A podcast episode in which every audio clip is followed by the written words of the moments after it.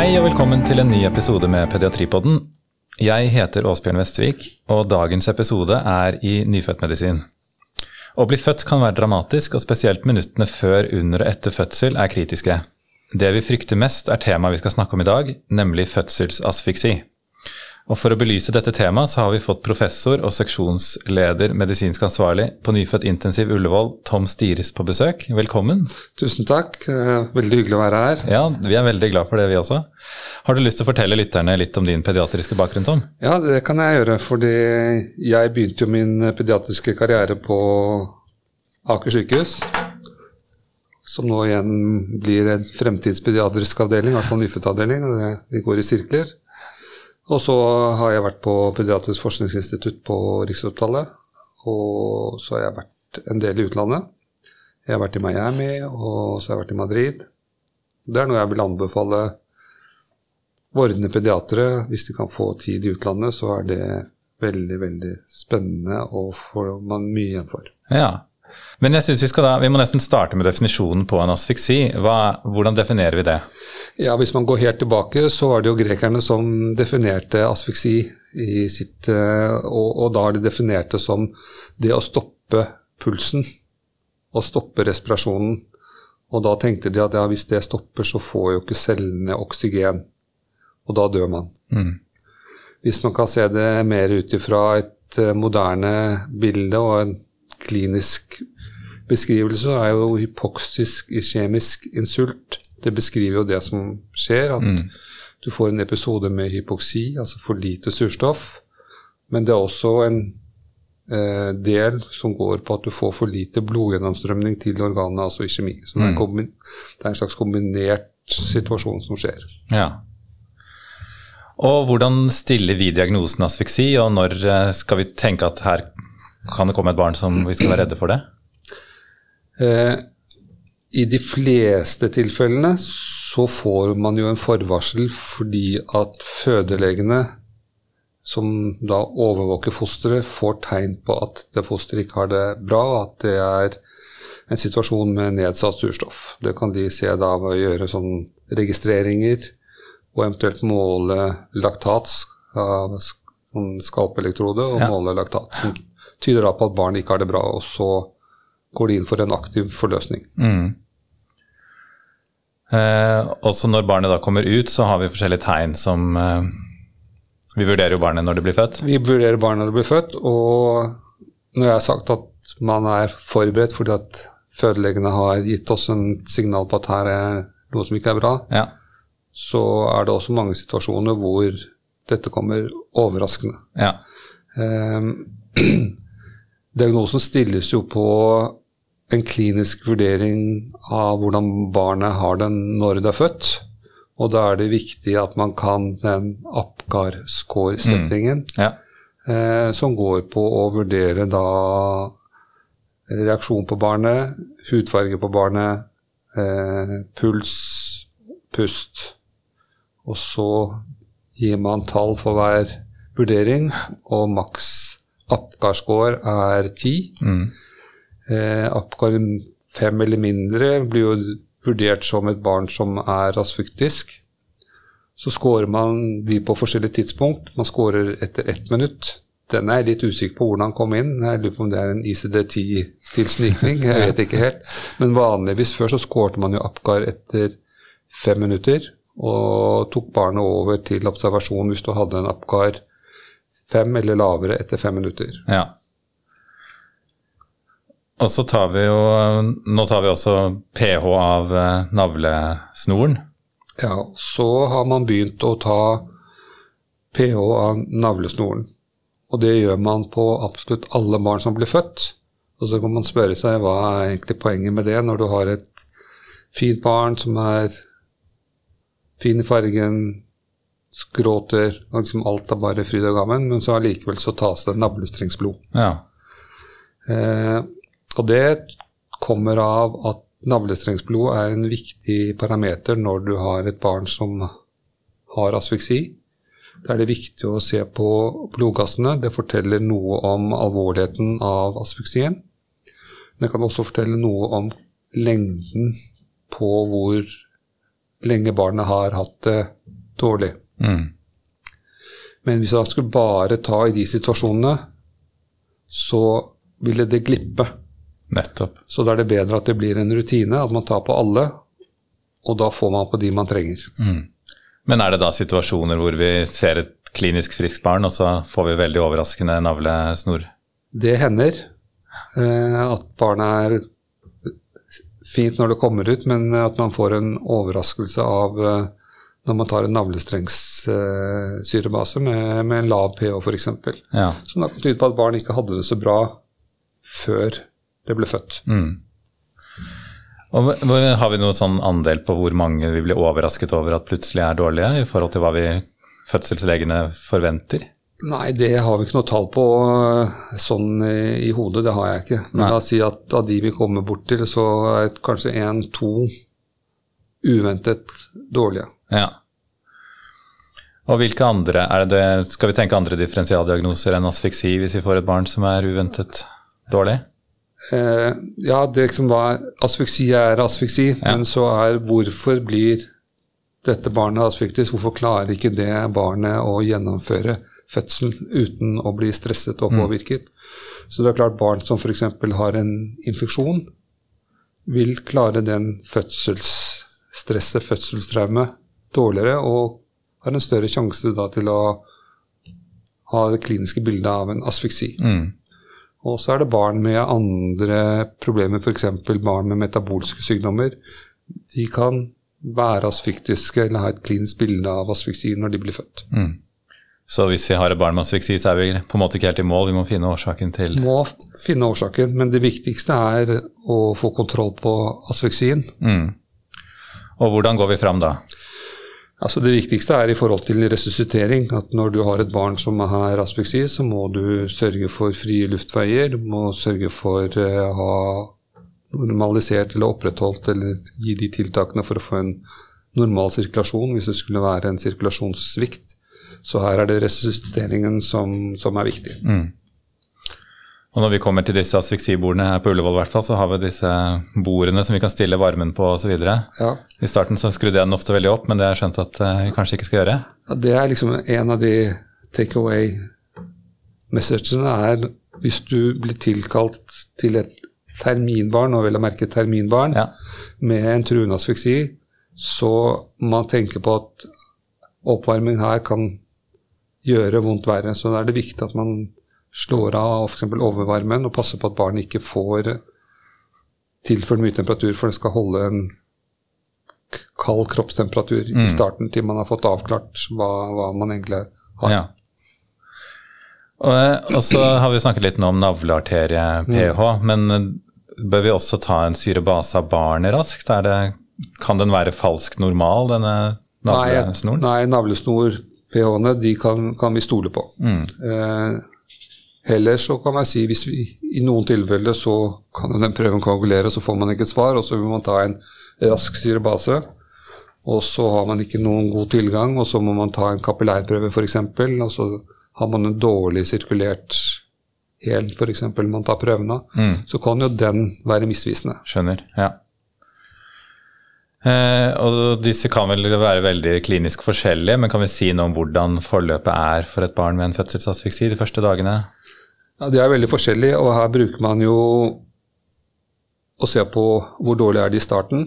Eh, og, hvis, og, det er jo akkurat ti minutter som er en av de måleperiodene vi bruker for å se om hva slags behandling skal vi tilby et barn som har gjennomgått asfyksi. Mm. Hvis man etter ti minutter har en Apgar med en mindre eller lik fem ja. etter ti minutter, så skal man vurdere en hypotermibehandling. Jeg vet ikke om vi skal snakke noe mer om det, men siden vi nå snakker om Vi kan gjerne komme tilbake til hypotermibehandlingen. Men, og så er det den som vi snakket om, navlestrengs-pH eller syrebasen. Ja. Hvis du har en pH eh, mindre eller lik syv, eller en basic mindre eller lik minus 16, så er det et barn som har en tegn på en alvorlig asfyksi, og man må vurdere videre behandling. Ja. Og så kommer klinikken om barnet trenger eh, respirasjonsstøtte utover ti minutter, og da snakker vi om overtrykksventilering. Mm. Og om du trenger resuscitering med adrenalin eller hjertekompresjon. Mm. Alle disse faktorene peker på at man har et barn som er alvorlig sykt. Mm. Og det er det cerebrale vi kanskje er mest opptatt av her. Det er det cerebrale man er mest opptatt av i forbindelse med asfyksi, fordi at uh, hjernen har da en periode med nedsatt uh, sirkulasjon og surstoff, som gjør at det går over en anaerob metabolisme, og så får man, hvis man ikke klarer å reversere det, så får man jo nekrose og celledød. Mm. Og disse cellene er jo uerstattelige i motsetning til andre organer i kroppen hvor de klarer å restituere seg. Mm.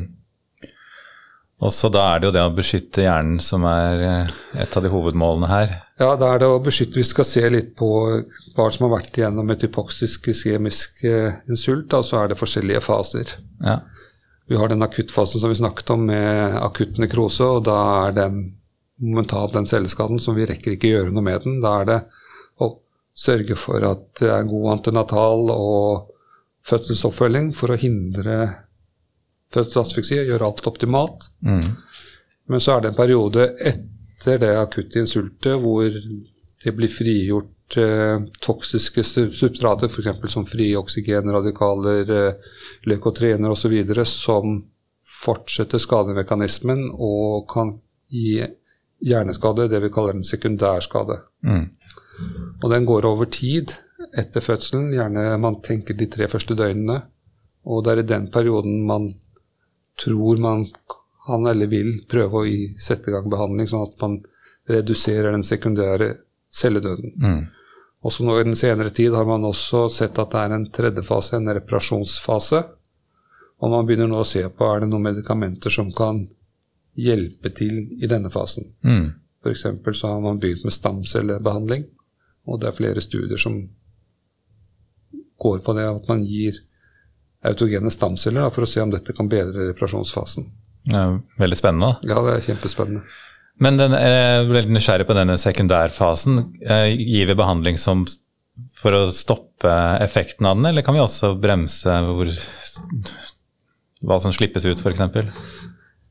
Eh, det man, når man startet med hypotermi, altså kjølebehandling, så var det et resultat av sånne anekdotiske observasjoner, f.eks. drukninger i kaldt vann, hvor man ser at det har gått mye bedre med de som har druknet i kaldt vann, enn det man hadde forventet. Og så har man trodd at kanskje den nedsenkningen av kroppstemperaturen har hatt en beskyttende effekt. Og så gikk man over da, tok den hypotesen og tenkte at dette kan jo også hjelpe nyfødte barn som har vært igjennom en hypoksisk kjemisk situasjon. Mm. Eh, og da ble det gjort en del dyrestudier for å se om den hypotesen var eh, riktig, og så fant den resultat i disse studiene som pekte på at ja, det kan være positivt. Eh, og da tar man det inn i klinikken og gjør randomiserte studier. Så det var gjort flere store randomiserte studier hvor man fant at hypotermi har en positiv effekt på de barna med moderat hypoksisk insult, Mm. Og reduserer da senskader. Men dessverre så stopper det ikke. Mm. Og ja, det hadde en effekt, men man var litt skuffet over at det ikke hadde en bedre effekt, og at man må behandle f.eks. syv for at én skal ha effekt. Ja. Og så hadde det ingen effekt på de med svært alvorlig hypoksisk kjemisk insult. Nei. Så det er de med moderat. Det er de med moderat. Så er det kommet forskjellige ting, da. Eh, hvorfor får ikke de da med litt mild hypoksiske kjemisk insult tilbudet? Ja. Og man tenkte at de klarte seg, men det har kommet noen studier som har sett at den gruppen gjør det dårligere enn en kontrollgruppe når man undersøker det med skolealder. Den gruppen som får hypotermi? Nei. Har mild, De som har mild kontra de som ikke har noen ting? ja, Ja. Og, og de har jo ikke fått noe behandling. Nei, ikke sant. Ja. Man har tenkt at de klarer seg. Ja. Så da har man begynt å lure på er, kan den gruppen også ha nytte av hypotermi. ja. Og det har man ikke fått noe svar på, men man har begynt å gjøre studier for å se eventuelt Kanskje de skal få et tilbud. ja. Er det en skummel behandling? Eller? Sånn, jeg skjønner jo at det, det kan jo kanskje være dumt å kjøle seg ned hvis ikke man trenger det, men Ja, det er jo en skummel behandling fordi den er ganske invasiv. Du reduserer jo kroppstemperaturen til eh, 3-34 grader. Eh, de må ligge i en kjølemadrass. De må, fordi at det å bli behandlet med nedkjøling er ikke noe behagelig behandling. Så da er man nødt for å sedere barna med morfin. Mm.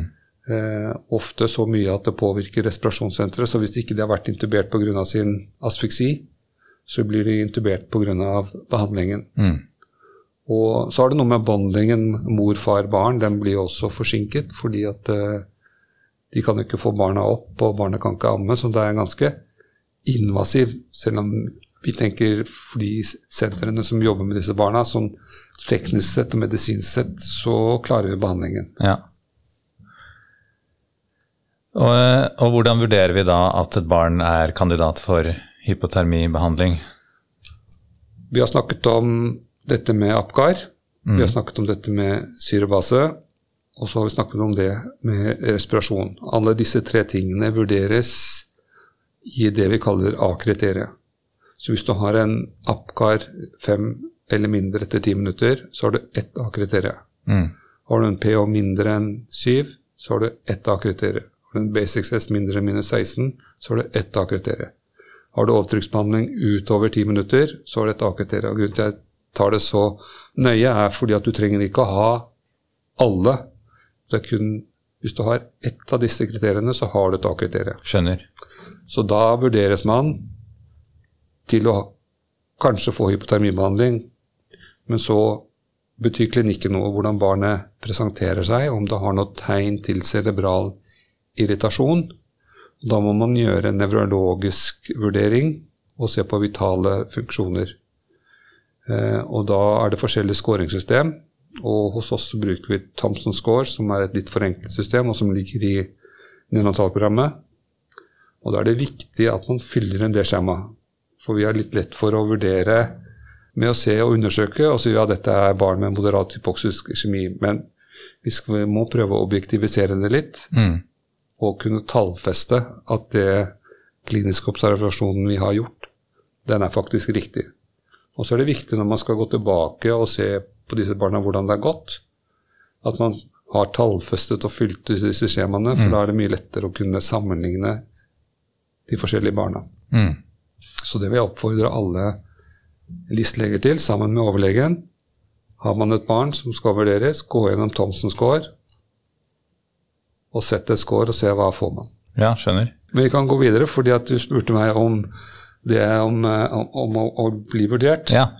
Sånn at du trekker en konklusjon og sier at dette barnet nevrologisk har et symptomer på at hjernen er irritert. Da kaller vi det en moderat til alvorlig hypoksisk kjemisk encefalopati. Da har de et B-kriterium. Mm. Og i Norge, hvis du har et A- og et B-kriterium, så tilbyr vi kjøling.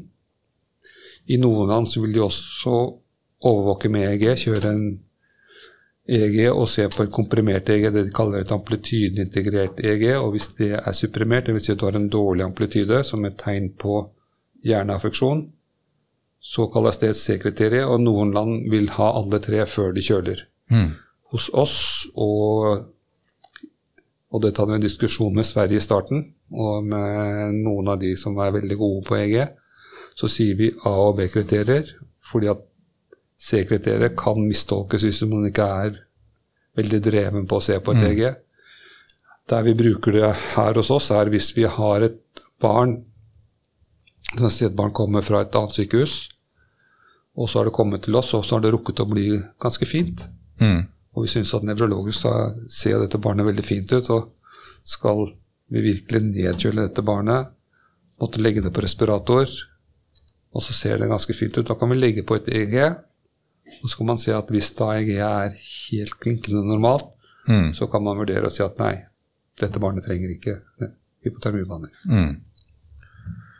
Og så er det jo dette med gestasjonsalder òg, da. At de må være terminbarn. Ja, terminbarn, det er viktig. Og grunnen til det er at man vet veldig lite hva skjer med premature barn, eller skal vi si milde premature. Man kunne tenke seg at de fra 34 uker til termin, at de kanskje kunne ha nytte av det.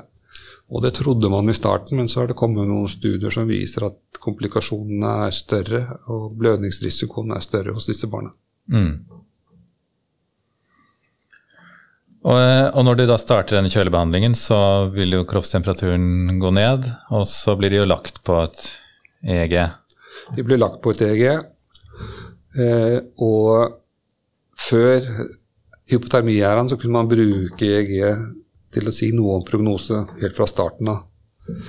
Men etter hypotermi så er EEG mer usikkert, og det kan være et dårlig EEG, lavspent EG, de første døgnene. og Det er kombinasjonen med hypotermi og sedering. så da skal man være litt varsom med å tolke de EG-funnene. Men man sier at hvis de i løpet av de to første døgnene ikke begynner å komme seg, så kan det være et alvorlig prognostisk tegn. Mm. Hender det noen ganger at vi avbryter hvis vi ser at EG er helt normalt? Hvis man først har startet Nei, behandling? Nei, det gjør man ikke. Og da tenker jeg at Yes, her har vi effekt av hypotermien. Her klarer vi å blokkere alle disse skumle substratene som sirkulerer rundt og kan skade hjernen. Eh, og så er det jo også, tenkte um, nevne den albino-studien. Ja. Den vil kanskje du fortelle litt om? Det kan jeg godt fortelle om. Og det er jo bakgrunnen av den eh, skal vi si, litt skuffende effekten man har av hypotermi. Man ønsker jo på en måte å ha enda mer å tilby. Og før man begynte med hypotermi, så var det veldig mange medikamenter som ble testet ut som da angivelig skal ha en hjernebeskyttende effekt. Og en av de er allopurinol, som er en fri oksygenradikal scavenger, som virker på forskjellige måter. Eh, og som har bevist å ha, ha potensialet til å kunne beskytte hjernen. Og da har man startet en stor randomisert multisenterstudie med mange europeiske land involvert, hvor man gir da allopurinol. Og det som allopurinol Man tror at jo nærmere insultet man klarer å gi det, jo bedre er effekten. Mm. Og det har også noe med hypotermi å gjøre også. Jo tidligere man kommer til med hypotermi, jo bedre er effekten. Så da må man gi den med en gang tett etter fødselen. Eh, og så gir man en ny dose etter tolv timer. Det er ganske utfordrende i seg selv. Det er to grunner til det. ene er konsent, altså hvordan skal foreldrene kunne gi samtykke. Mm. Eh, de er i en sjokkfase. Kanskje mamma er i narkose, og vi må gi det medikamentet innen det har gått 45 minutter. Så da har vi fått tillatelse fra REC å gi medisinen, og så få samtykke i etterkant. Mm. I andre land i Europa har REC sagt nei, det får dere ikke. Dere må be om en muntlig samtykke, og så få et skriftlig samtykke i etterkant. Så det er litt spesielt for at uh, REC-komiteene gir litt forskjellige ja. syn. Jeg tror jo her i Norge at det er riktig, fordi at et samtykke skal jo være et bevisst samtykke, og du skal ha skjønt hva du skriver under på, og det klarer du ikke med, i en sånn akutt situasjon. Så er det noen av disse barna som er veldig dårlige i starten, og som får allopurinol, men så kommer de seg veldig raskt. Så har de ikke B-kriterier likevel. Mm. Da får de ikke hypotermibehandling. Men det betyr at man har fire grupper. I to, en gruppe som har fått allopurinol, og ikke noe mer, og ikke kjøles, og placebo. Så da kan man jo se om kanskje allopurinol har en effekt på disse da med mild Ikke sant? HE. Så mm. det er et sånn ekstra effekt man får da. Ja. Men hovedstudien går jo på å se om de barna som blir kjølt sammen med allopurinol, om de har et bedre utkomme mm. ved toårsalder og i skolealder. Mm. Nå er ikke allopurinol den eneste studien som pågår. Det er eh, bl.a. studier med erytropoetin, melatonin, og som jeg sa, stamcellebehandling. Det er de tre jeg vet om som er kliniske studier ja. per i dag. Um, og så er det én ting vi, eller jeg hoppet kanskje litt over, men dette med tidsaspektet. Ja. For man skal jo komme i gang raskt med behandling. Ja, Det som er med kjøling, og som har vært vist i dyrestudier, at jo raskere du kommer i gang med kjølingen, jo bedre effekt er det. Men så har det også vært vist at de barna som blir Og det har vært seks timer som er den magiske grensen. Mm. Og hvorfor er det seks timer? Jo, fordi man så at det klarer man å få de fleste kjølt innen seks timer, og de store studiene har brukt seks timer som et cutoff. Før så var det sånn at hvis du ikke kom til et kjølesenter eller fikk tilbud om kjølebehandling innen seks timer, så fikk du ikke noe. Men nå har man sett at du faktisk har effekt også for de som kommer til på kjøling mellom 6 og tolv timer. Sånn at det, har forandret seg. Mm. Så hvis det kommer noen til Ullevål som er kjølesenter, og så har gått åtte timer, og har A- og B-kriterier, så vil de få tilbud om kjølebehandling. Men 15 timer, da? Hvis de kommer så seint? Ja, det, da vil det være off record, på en måte. Ja. Da tror jeg klinikken kanskje vil bety noe. Hvis det barnet er påvirket, så tror jeg jeg faktisk hadde tilbudt kjølebehandling. Ja. Mm. Skal jeg prøve meg på et litt sånn politisk spørsmål som vi kanskje skal stryke. Derfor har jeg lagd deg litt pause. Men det er jo, vi, vi, er, vi er på Ullevål begge vi, og det er jo nærme kjølebehandlingen. Men eh, det finnes jo fødestuer som er lenger unna sykehus. Det, slår dette ut på disse barna?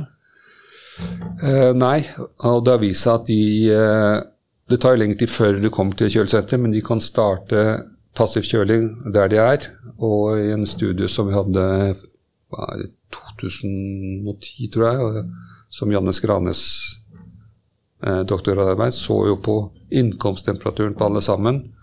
Og de fleste lå på rundt sånn 5-36 grader. Mm. Så, sånn da har man begynt med en viss kjøling.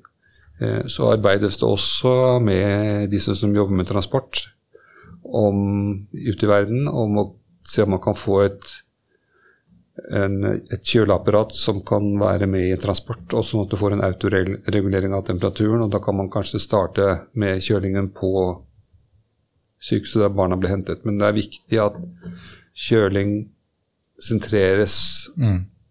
fordi at ellers så får man for få. Og vi ser at noen sykehus som startet kjølebehandling, de har nå sluttet, for de har ikke nok. De får kanskje én eller to i året. Og da tror jeg det gjør mer, mer vondt enn godt. Mm. Og det trenger du ikke stryke, det kan, for det, det er reelt, og det tror jeg nyfødtmedisinen er ganske enige om. Ja, så bra. Hvor lenge blir disse barna kjølet? Barna blir kjølt i tre døgn, og det er også litt sånn arbitrære som er tatt ut ifra de dyrestudiene som pågår.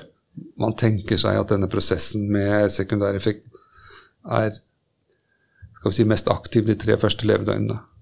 Da behandler man i tre døgn, og så reduserer man kroppstemperaturen langsomt, og det er viktig, for at i den oppvarmingsfasen så er det en øket risiko for hjertearytmier og gjennombrudd av kramper. Mm.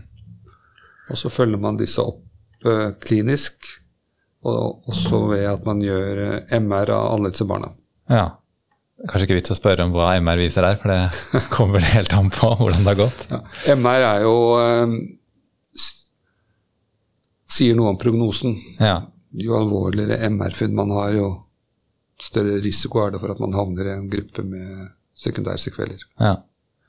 Følges de videre med MR alle senere også på tidspunkt, eller er det kun eh, rett etter oppvarmingen? Eh, nei, man har ikke noe rutine på mer MR. Eh, før så ble det gjort MR ved rett etter oppvarmingen og så etter ti dager, men igjen referert til studien som vi har gjort, så viser det seg at den MR ved ti dager sier ikke noe mer. Mm. Og hvis man skal gjøre MR senere i forløpet, hvis barna har uh, mye nevrologisk utfall, så blir det en klinisk vurdering. En, det er ikke en rutine. Ja. Eh, og dette er jo da en heterogen gruppe pasienter med forskjellig klinikk. Hvordan går det med dem? Hva er prognosen? Eh, prognosen er jo helt avhengig av hvor alvorlig er asfiksien. Eh, men vi får noe overraskelse hvor vi ser at de tror at dette ikke går bra i det hele tatt, og hvor man har et, hatt et relativt godt utfall. Eh, I studien som jeg refererte til med Janne Skranes, så hadde vi en 50 barn, og da var det tre som døde. Og ca. 30% har alvorlig utkomme ved to års oppfølging. Mm. Og det er omtrent der man ligger eh, i Vest-Europa. Mm. Og eh, hvordan skal disse pasientene følges etter utskrivelse? Også de med mild? Eh, De med mild blir jo, har jo ikke vært fulgt fordi man har oppfattet de som normale ved utskrivningen. Ja. Eh, De barna som har vært kjølebehandlet, de går inn i neonatal oppfølgingsprogrammet. hvor de da undersøkes ved toårsalder ved nevropsykolog og barnelege og fysioterapeut. Eh, og så skal du innkalles igjen til testing ved skolealder, sånn ved syvårsalder. Fem, mellom fem og syv. Mm.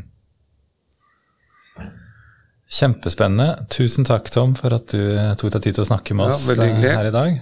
Klarer vi til slutt å oppsummere dette store temaet med tre take home messages? Ja, Det ene er jo at man har en god resuscitering, passer på temperatur. Kunne A- og B-kriteriene. Kontakte et kjølesenter eller de som har eh, behandlingen av disse, så fort som mulig. Og diskutere om man skal transportere, eller hvis man ikke har eh, tilgang på kjølesenter der man er, eller starte da. Det er ikke en livsoppgave å vurdere, det er en overlegeoppgave. Men man gjør det sammen. Kjempefint. Tusen takk, Tom Stiris. Og takk til alle dere som har hørt på. Jeg heter Åsbjørn Vestvik, og vi høres igjen om en uke.